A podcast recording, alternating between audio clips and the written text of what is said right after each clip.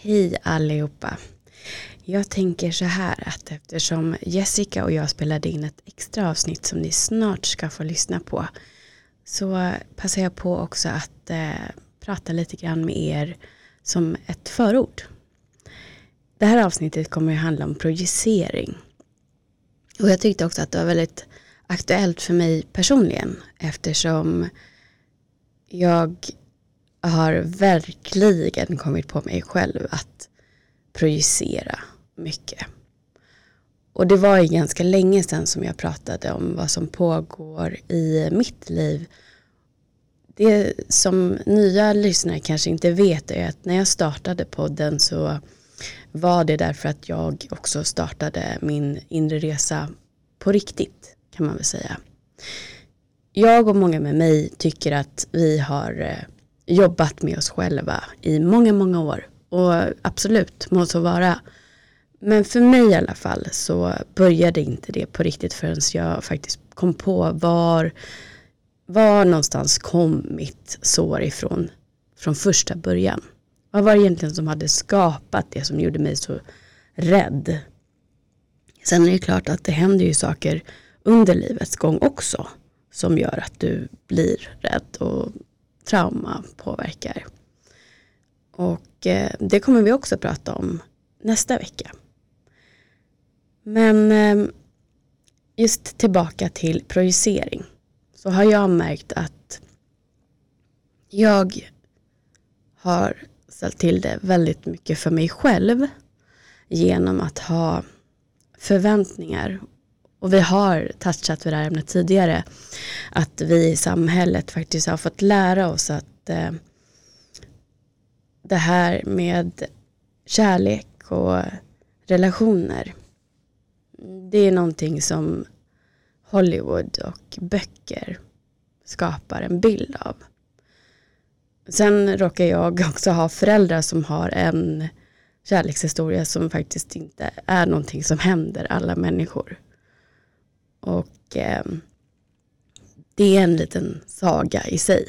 Så jag kan väl säga det lite till mitt försvar också att jag har ju trott att sådär, det kan ske för mig också. Men eh, det är inte så vanligt att man som 14-åring blir jättekär i den här äldre killen som är kompis med brorsan och sen blir tillsammans med honom några år senare och eh, gifter sig och får två barn och fortfarande efter snart 50 år är lyckligt gifta och fortfarande förälskade. Jag fattar att ingenting kanske att, att eh, ja, tro att det kommer komma hända. Men framförallt så tror jag att väldigt mycket, min absoluta favoritgenre inom film, den här romantiska komedin har ställt till det otroligt mycket för mig. Och i och med att jag också har um, haft väldigt mycket destruktiva relationer så har jag liksom inte riktigt haft en förebild som visar mig hur det faktiskt är på riktigt. Och när jag då har att göra med en verklig människa, en man av kött och blod som eh, verkligen försöker från sitt håll eh, men också sätter gränser så gott han kan då har jag märkt att jag går in i någon slags försvarsposition och faktiskt inte lyssnar på vad det är han säger. Och nu när det har gått ett tag och jag går tillbaka och läser om de konversationerna så märker jag att jag tolkar dem på ett helt annat sätt. Det är som att jag har tagit mig ur när jag projicerade det som jag egentligen var arg på mig själv för, på honom och kan se det med nya ögon.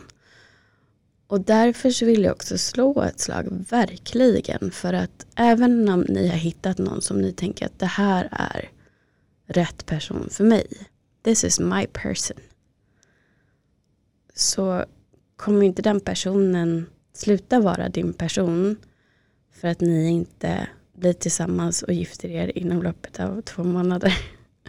Förstår du vad jag menar? Jag har så många runt omkring mig och folk som skriver jag märker att vi är många som har trott att när vi hittar en person som vi tycker är helt fantastisk och det är någonting speciellt med den personen, då, då tror vi att bara vi håller fast vid det och vid honom och med kontroll och förväntningar som faktiskt inte är realistiska så kommer allting bli bra. Och det funkar inte så i verkliga livet. Det funkar så på film. Och jag kan säga att jag slösade bort två månader på att vara så arg. Nästan dagligen så var jag så arg och en känsla av jag vill inte. Och jag kan se en mening med det nu i efterhand när jag tittar bakåt att det var nog ett sätt för mig att också lära mig att sätta gränser. Det här är inte okej för mig. Och den känslan behöver inte vara okej, absolut inte. Så när du som till exempel för detta, eller vad ska jag säga, som tillfrisknande medberoende börjar sätta gränser och känna efter i kroppen när det faktiskt säger nej. Absolut. Det är bra. Det är ingenting dåligt med det. Det är inte det jag menar. Däremot, försök vara nyfiken på vad det är som inte känns okej. Och sen, som Jessica också har sagt, snäll tolka. Utgå inte från att varje person is out to get you. Varje person har inte en dold agenda. Tyvärr har det varit någonting som jag har jättesvårt för att släppa. Jag har varit i relationer när jag känner att om jag bara släpper ner min gard, då hugger han. Och det har hänt. Men det betyder ju inte att en helt annan person som kommer in i mitt liv i ett annat skede faktiskt är likadan. Och jag inser att där måste jag själv jobba med den rädslan. Och den här ilskan som jag gick och bar på som jag berättade precis. När jag satte mig ner och verkligen tog tid att tänka, okej okay, vad är det egentligen som jag är så arg på? Eller för? Då var det mycket av saker som jag faktiskt inte hade dels frågat honom vad det var han egentligen menade med. Men allt, allt jag var arg på var saker som jag har gjort själv. Och då är det inte lika lätt att vara arg på den personen. Eller hur?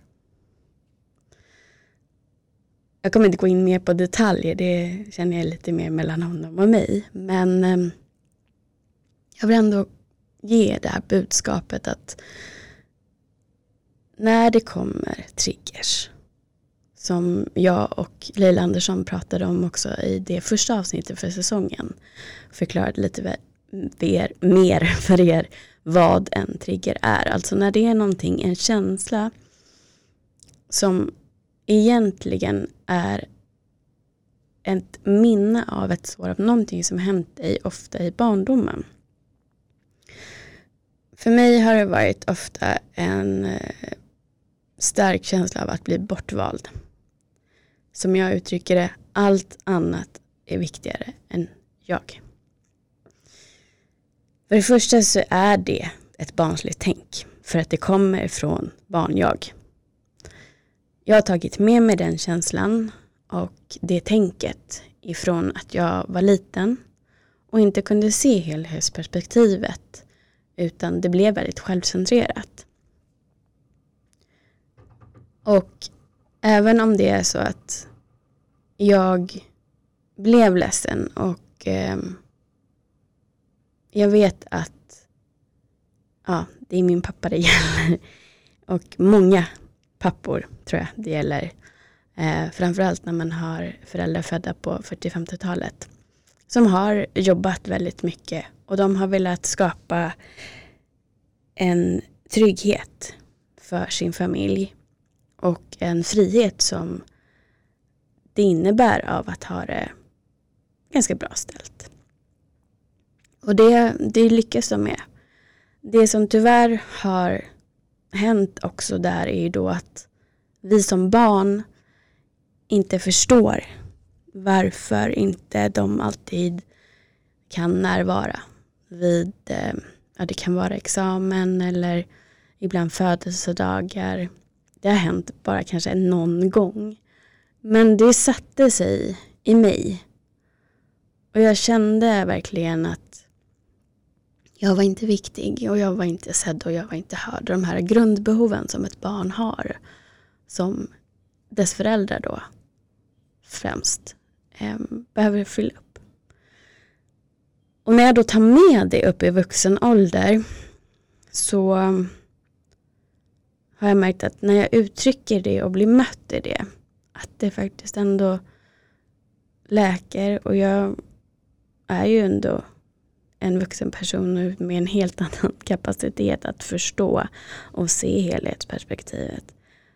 Och jag förstår också, jag tycker det är så tacksam för att jag blir mött med förståelse men också en annan bild av det. Att det blir, jag förstår och vi har pratat om det här men det känns inte rättvist för att jag måste också må bra i mitt. Och där tar ju den andra personen då ansvar för sitt samtidigt som att han möter mig i mitt lilla barn, mitt inre barnsår. Och då får jag ta på mig ansvaret att ta hand om mitt lilla barn och försöka finnas där för henne. Och då blir det ju faktiskt lättare för varje gång det är någonting som kanske inte blir så som jag har förväntat mig. Och då, om jag också kan uttrycka det, så blir det lättare för mig att undvika att projicera min ilska. För att det är också så att om det är så att jag alltså klampar över mina egna behov för att ständigt finnas där för en annan person. Oavsett om det är en kärleksrelation, vänskapsrelation, syskon, förälder, vad det än är för relation. Så blir det ofta så att man också förväntar sig att alla andra ska göra likadant tillbaka. Och när de inte gör det så tar man det som ett mått på dels ett, ens eget värde, två, deras kärlek för en själv. Vilket inte bara skadar relationer utan faktiskt sig själv. För det här är ingenting som är sant. Det känns så men det är faktiskt inte så. Men om man då tittar lite från ett metaperspektiv. Okej, okay, är det här verkligen någonting som den här personen gör ett nytt sår i dig just nu? Eller är det så att det är ett gammalt sår i dig som blir triggat av den här situationen? Och är det verkligen, ifrågasätt dina tankar, är det verkligen så att det är samma situation? Jag vågar lova att i nio av tio fall så kommer du svara nej. Men det känns så, jag vet. Det känns så.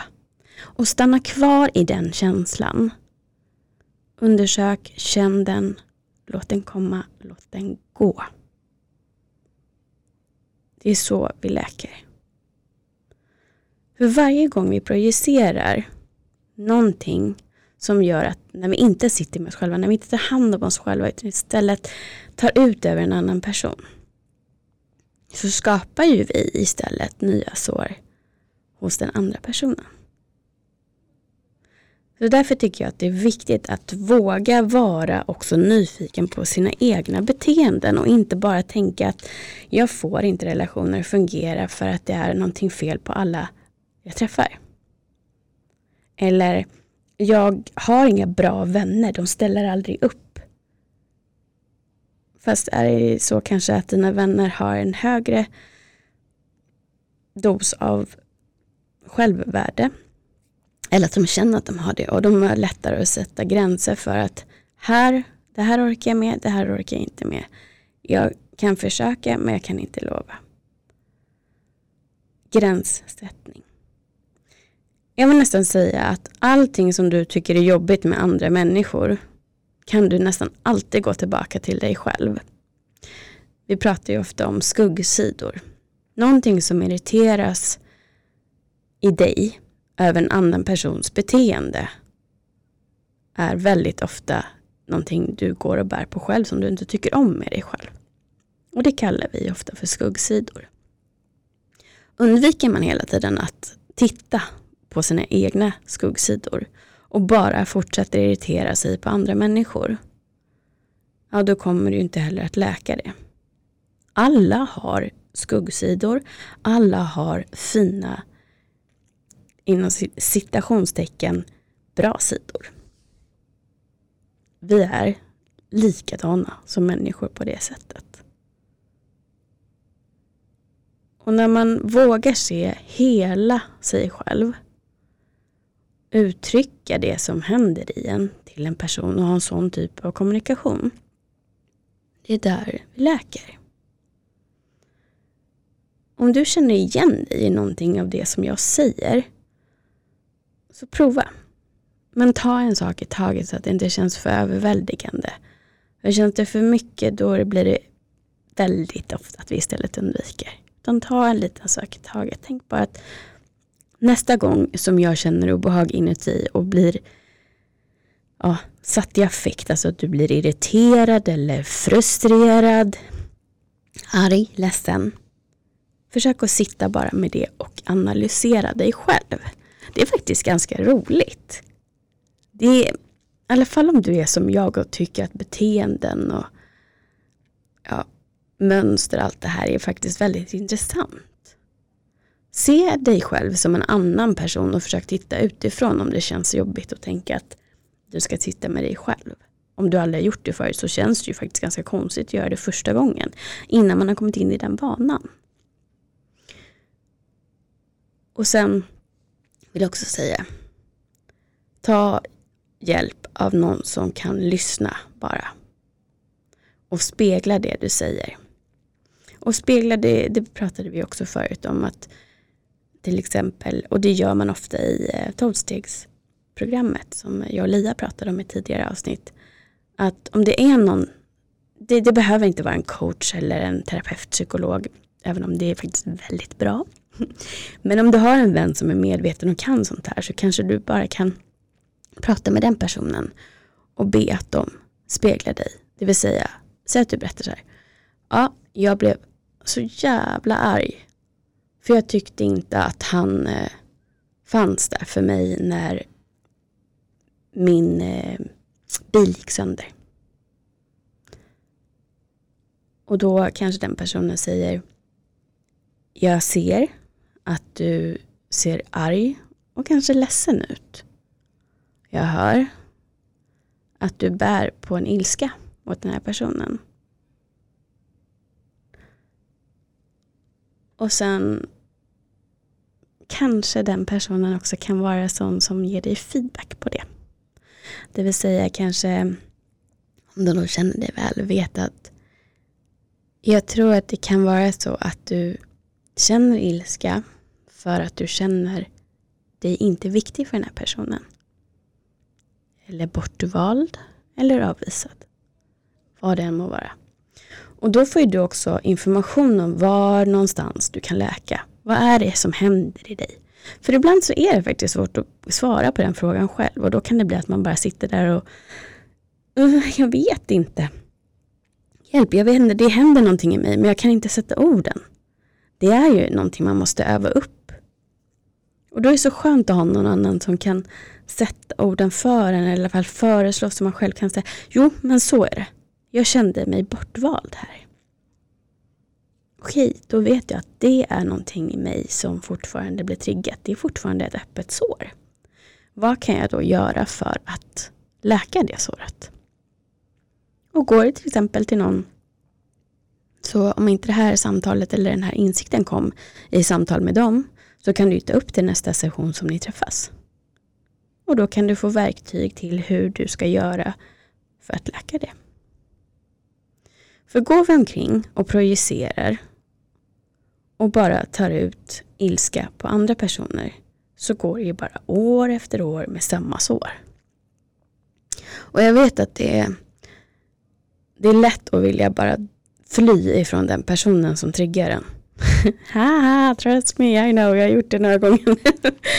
Men det blir ju inte bättre. Du läker ju ingenting av det. Absolut.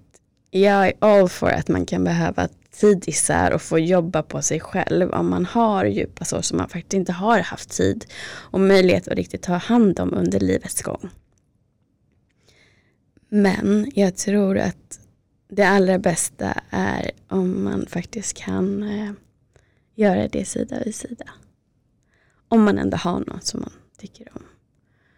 Men ja, vi är alla vår väg och jag kan inte egentligen säga att jag ångrar det jag gjorde. Jag kanske önskar nu är det liksom in hindsight att okej, okay, jag kanske tog fel väg där. Men jag behövde väl det då, där och då. Jag tror ändå att det finns en viss väg som är på något sätt förutbestämd. Och det som sker är menat att ske. Det är min personliga tro. Så att jag tror ändå att det, det kommer ändå bli som det är menat till slut. Oavsett hur många genvägar jag försöker ta som visar sig vara senvägar och ibland kanske behöver ta tid ifrån alla typer av relationer. För att jag behöver lägga det på relationen till mig själv. Om varje gång som jag vinner en ny insikt eller vinner en, ett nytt verktyg för att läka så kommer det också spegla sig i de relationerna jag har runt omkring mig. Och när jag lär mig vad mina behov är så kan jag också lära mig att uttrycka det. Och när jag får insikt på att när jag är triggad så är jag väldigt dålig på att lyssna och verkligen ta in vad den andra personen säger. Jag har inte varit bra att snälltolka, på att snälltolka. Utan snarare tagit allting som att det är en attack mot mig. Att det här har med mig att göra. Om han säger att han inte har tid att finnas där för mig i en viss situation så har jag tagit det och gjort om det i mitt huvud till att han egentligen säger jag bryr mig inte om dig egentligen. Jag hänger hellre med andra människor. Allt är viktigare än du. Istället för att faktiskt höra det han säger. Som kan faktiskt vara jag behöver göra det här just nu för att jag ska må bra. För gör han någonting bara för att finnas där för mig fast det är på hans egen bekostnad så att han inte mår bra. Vill jag verkligen att han ska göra det? Nej. Tänk på det. Nu blir det ett väldigt långt förord och jag ska snart släppa över micken till Jessica och eh, min egen del av det här avsnittet. Där vi då kommer prata mer om projicering. Och jag vill verkligen rekommendera er att gå in på Jessicas Instagram, kommunikationsjouren. Och även Jessica underscore Ekman. Jessica med C, Ekman med K. Hon har väldigt många och bra sådana där små frågor som kommer dagligen. Som får dig att stanna upp och tänka, hmm, det här hade jag inte tänkt på förut. Vad bra grej. Du behöver inte svara. Det räcker bara med att du tänker till lite. Och så kommer vi utvecklas tillsammans. Nu lämnar jag ordet till mig själv. Tack för att du lyssnade. I veckans avsnitt så tar vi vid där vi slutade förra gången och eh, kommer göra ett lite kortare avsnitt där vi pratar projicering. Välkommen tillbaka Jessica.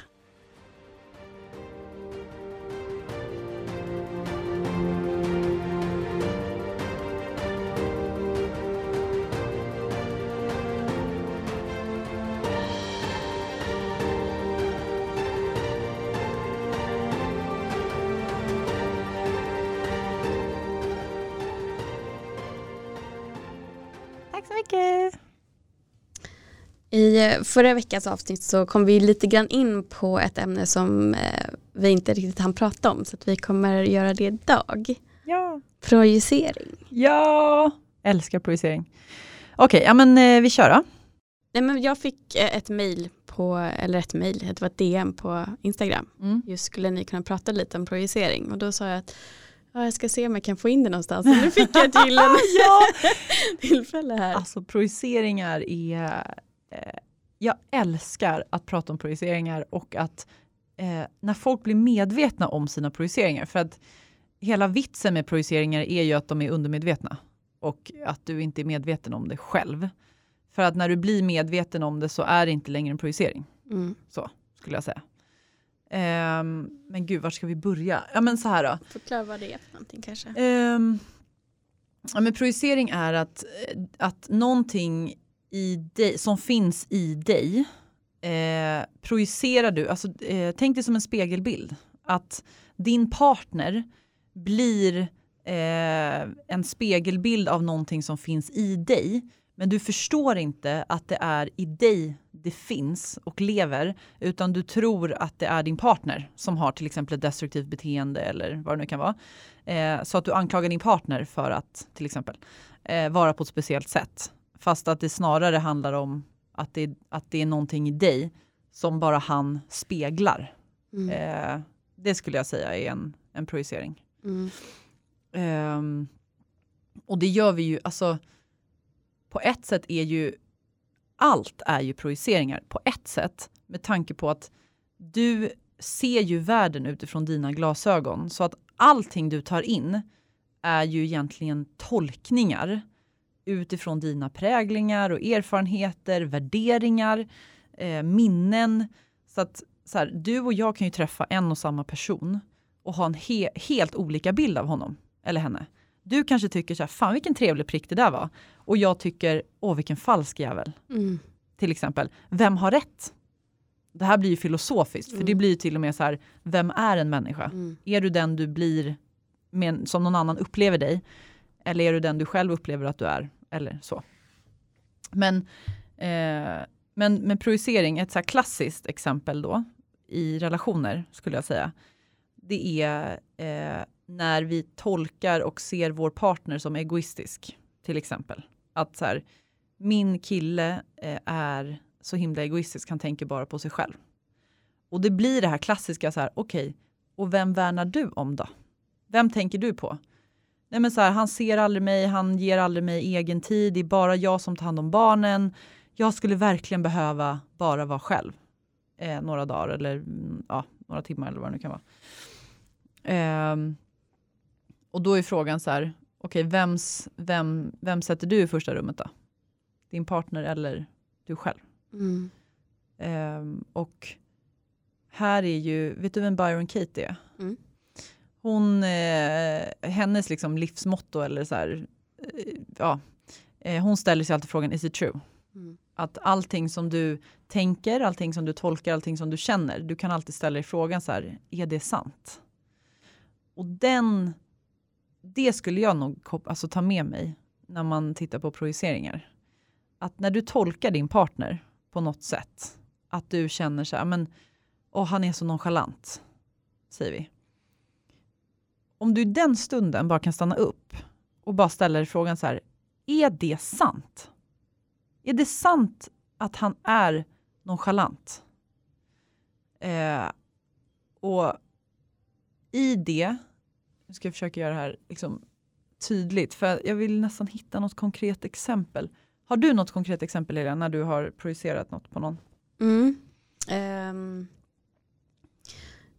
jag blev väldigt uh, triggad och irriterad på när uh, han uttryckte att han uh, var rädd för att släppa in hela vägen. Mm. För att han var rädd för att bli dömd om han berättade hela sin historia.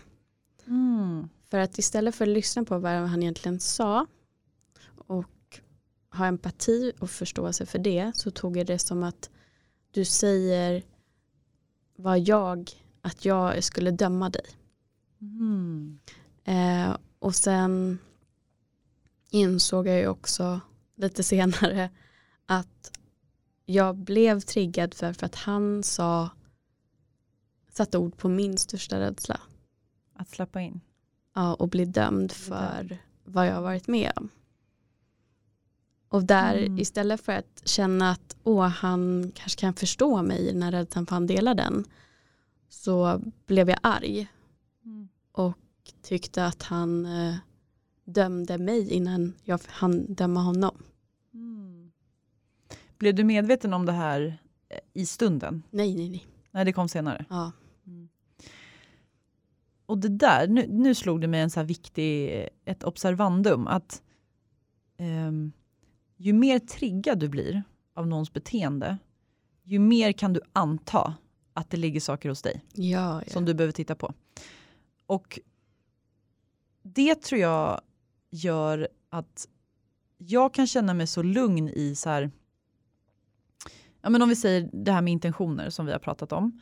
Det är så förankrat, det är så otroligt grundat i mig att jag alltid ser till folks goda intentioner. Alltså jag gör det automatiskt, det är ingenting jag aktivt tänker på så här, undrar vad den här personens goda intention är, utan det bara sker i mig. Mm.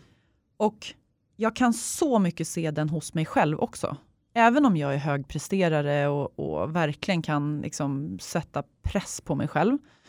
Eh, och stundtals tycker att jag är dålig och sådär. Men jag är jättebra på att hela tiden så här, få kontakt med lilla Jessica och se så här, vad, är vad är den goda intentionen här. Vilket gör att det är så himla få beteenden som jag blir triggad av hos andra människor. Eh, för att jag direkt automatiskt ser goda intentioner. Och eftersom jag inte blir triggad så vet jag att jag har landat i mig själv i den övertygelsen om att det alltid finns goda intentioner. Mm. Så att jag har som observandum att när jag triggas, som till exempel min, eh, jag älskar min mamma, vi är jätte, jättenära eh, och vi är ganska lika på vissa sätt. Hon har haft en tendens att eh, avbryta människor i, liksom, i diskussioner och sådär. Eh, för att hon är så engagerad. Det är liksom hennes sätt att visa engagemang på. Att hon liksom avbryter och lägger sig i. Och kommer med kontringar och sånt där. Och det finns ingenting som gör mig så frustrerad. Alltså vet, jag sitter ju och kokar. Jag bara, mamma nu avbryter du igen, mamma nu avbryter du igen. Varför blir jag så triggad? Jo, för att jag är likadan. Hihi. och jag har inte accepterat den sidan hos mig själv. Jag vill inte se att jag är en person som avbryter. Eh, och jag kommer att bli triggad av henne tills jag börjar jobba med mig själv. På den delen. Jag känner en annan person som är bra på att, eh, att liksom eh, prata om sig själv och att kanske inte skryta men åh, det här känns ju sårbart men nu delar jag det här ändå. Jag känner en person som eh, ja, men är ganska bra på att berätta så här gott om sig själv. Eh, som verkligen är liksom emot Jante egentligen. Som är så här, men jag tycker att jag är duktig på det här. Men i det så finns det en osäkerhet. Det finns liksom, det är inte det här eh, trygga icke-Jante av att säga, fan jag tycker att jag är bra på det här. Utan det är kamouflerat i en osäkerhet i att den personen vill eh, visa världen att jag är så himla duktig. Ser du mig? Mm. Kan du säga att jag är bra? Mm. Och det triggar mig något enormt. Och jag blir så triggad i att så här, men lilla vän, du är, du är fin som du är. Vet du, du behöver inte prestera. Du behö, alltså, jag älskar dig för den du är. Mm. Du behöver inte vara duktig. Du behöver inte berätta om liksom hur bra det gick på jobbet idag eller hur. Och så tänker jag direkt, så så här, varför triggar det här mig? Just det, för jag är ju så här. Jag är ju otroligt mån om att prestera och vara duktig. Men jag är bättre på att linda in mitt skryt än vad den här personen är. Så att det framstår kanske inte som skryt när jag delar. Mm. Ehm, eller så gör det det. Jag kanske bara har dålig självinsikt. Men jag tror att jag kamouflerar mitt skryt på ett annat sätt. Och det är klart, det har ju med mig att göra då. Att säga, men gud, känner jag att jag är älskad eh, för den jag är? Känner jag att folk tycker att jag är intressant att umgås med om jag inte har något att komma med? Mm. och vara klok och, och berätta om alla, allt jag kan inom psykologi och bla bla bla bla bla. Det Mm. triggar mig enormt. Eh, jag kan bli jättetriggad av eh, inom citationstecken mesiga personer som är väldigt så här, åh nej men jag vet inte vad jag ska göra nu, nej men, nå- va? Nej, men vad händer nu, nej, nej men nu vet jag inte, nej, eh. alltså veliga, mesiga personer. alltså jag brinner ju inombords. Jag förstår intentionen, alltså jag gör det på riktigt. Alltså jag kan både känna så mycket kärlek för den personen och bli frustrerad. Okej, okay. på vilket sätt handlar det om mig? Jo, för att jag eh, har växt upp med att det är karaktär att vara beslutsam. Att fatta beslut är det som gör att folk får förtroende för en eh, och att man tar kommando. Eh, någon som velar får man inte förtroende och respekt för. Och jag är så himla mån om att vara någon form av ledartyp som folk följer. Så att jag skulle aldrig tillåta mig att stå i ett socialt sammanhang och verka velig. För att vem, vad ska folk tänka om mig då? Och då säger det någonting om mig. Mm, jag känner igen det där, fast för mig är det nog att är det ett, ett sammanhang när man måste ta ett beslut och ingen annan gör det, det bara vill, då blir det så otryggt för mig. Mm. Ja, ja jag, precis. Jag vill egentligen inte behöva vara den som alltid går in med hela handen och bara nu gör vi så här. Nej. Men jag har gjort det så många gånger. Och det var ofta så i grupparbeten i skolan och så att det var jag som tog på, men nu behöver vi få det här gjort, hur gör vi det. För att jag orkade inte med den här obeslutsamheten. Nej. Det blev så, åh, jag bara känner hela kroppen, det är mm. jätteotryggt. Mm. Mm. Och det är ju, då är frågan så här, okej, okay, hur kan du ta ansvar för ditt behov av trygghet i den situationen? Mm. För att projicering blir också att du lägger över ansvaret på någon annan. Det är någon annan som ska ge dig det du behöver. Så är du med en velig person och du känner dig otrygg för att den personen inte kan ta beslut och ta kommando, så antar du då att så här, men den där personen ska ju skapa trygghet i mig. Varför gör den inte det? Skapa trygghet, alltså så här, gör någonting nu så att jag känner mig trygg. Men om du istället går så här, okej, okay, den här personen eh, känner jag mig inte trygg med. Det kan du konstatera och det är jätteviktigt att du kan konstatera det. Eh, och din kropp har jättebehov av trygghet.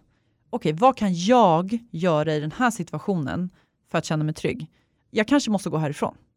På samma sätt som du har känt att att eh, under din resa de senaste åren har du känt att så här, det är vissa människor som jag inte vill ha runt mig längre för att jag känner mig inte trygg med de personerna att vara 100% mig själv och mm. autentisk. Yeah. Då kan du ta det beslutet att de här människorna vill jag inte ha i min närhet för jag känner mig inte trygg här. Det är inte deras fel att de inte gör dig trygg. Det är ditt ansvar att i så fall inte vara med de personerna. Mm. Och det är det som blir så fel när vi börjar anklaga andra människor för att vara på ett speciellt sätt. Alltså det är verkligen klassiskt liksom, projicering i en relation. att så här, Men du ger inte mig det här och det här. Nej okej, men om han, inte, han eller hon inte kan det då? Hur skapar du det på annat sätt? Eller hur får du det på annat sätt? För att du kan inte tvinga någon annan att, att ge dig det du behöver. Nej, och sen apropå behov i relationer. Där har jag verkligen lärt mig någonting superviktigt Um, i alla fall teoretiskt, att eh, det är så viktigt att förstå att en och samma person kommer aldrig och ska inte heller kunna fylla alla dina behov. Mm. Att det är viktigt att faktiskt sprida ut också, också för sin egen självständighets skull. Mm. Och att känna, i alla fall att jag har hamnat i en vana att se om det är ett behov kan jag möta mig själv där först. Mm om jag känner att nej men här behöver jag faktiskt en kram. Jag, klart man kan krama sig själv men du förstår vad jag ja, menar. Ja, ja. Um, att jag då tar ansvaret att be om det från någon annan. Mm. Det är mm. fortfarande jag som tar ansvar för mitt behov men jag behöver någon annan som hjälper mig i det. Mm. Verkligen.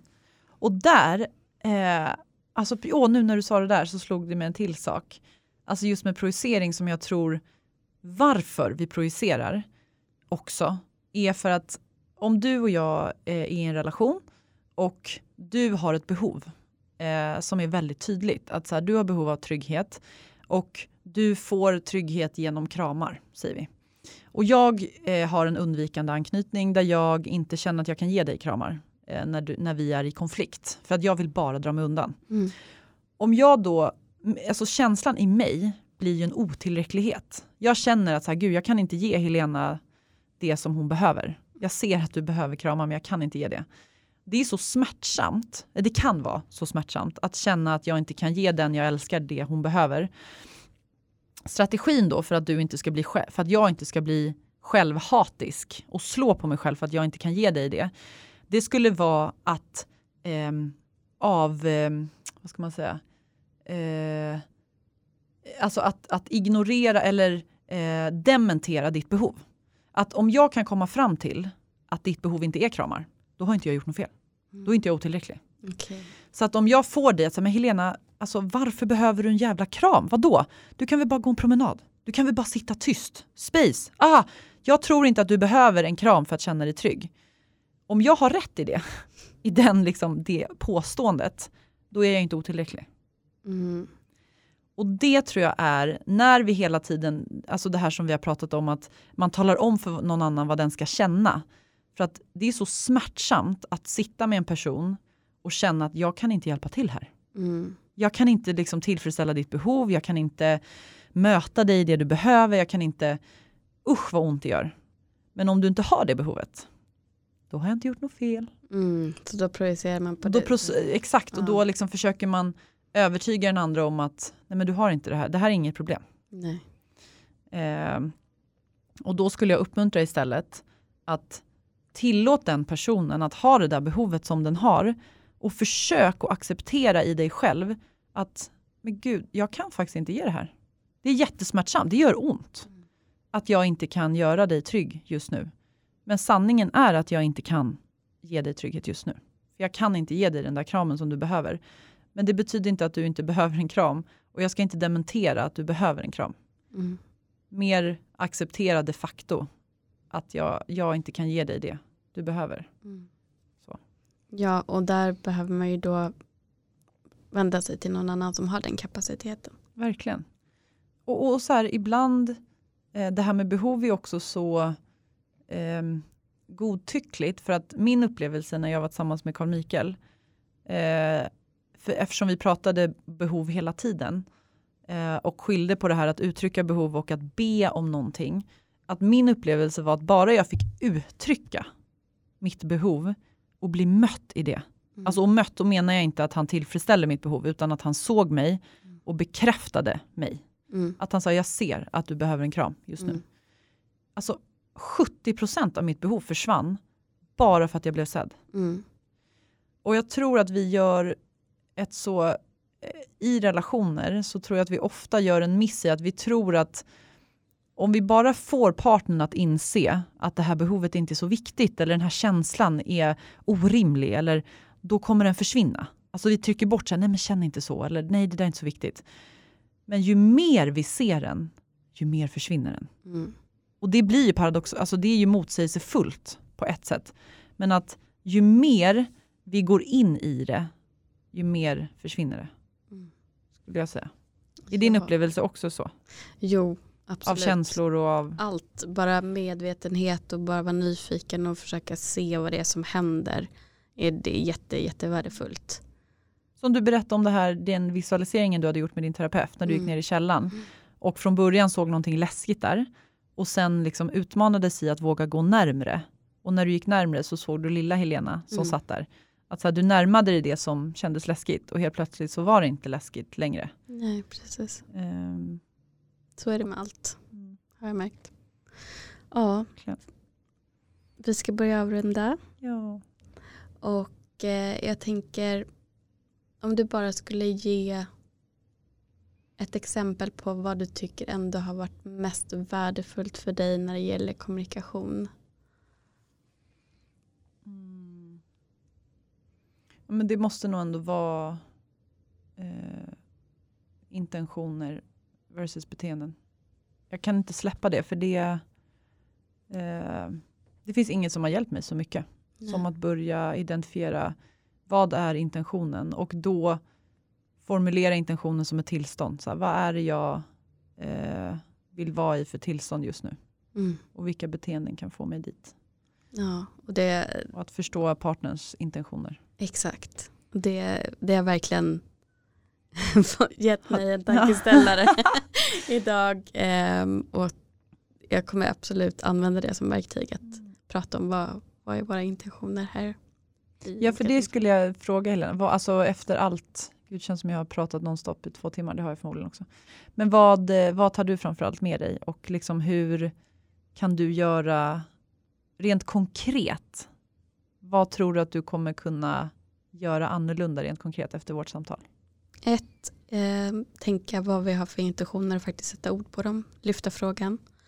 Ehm, två, snälltolka. Mm.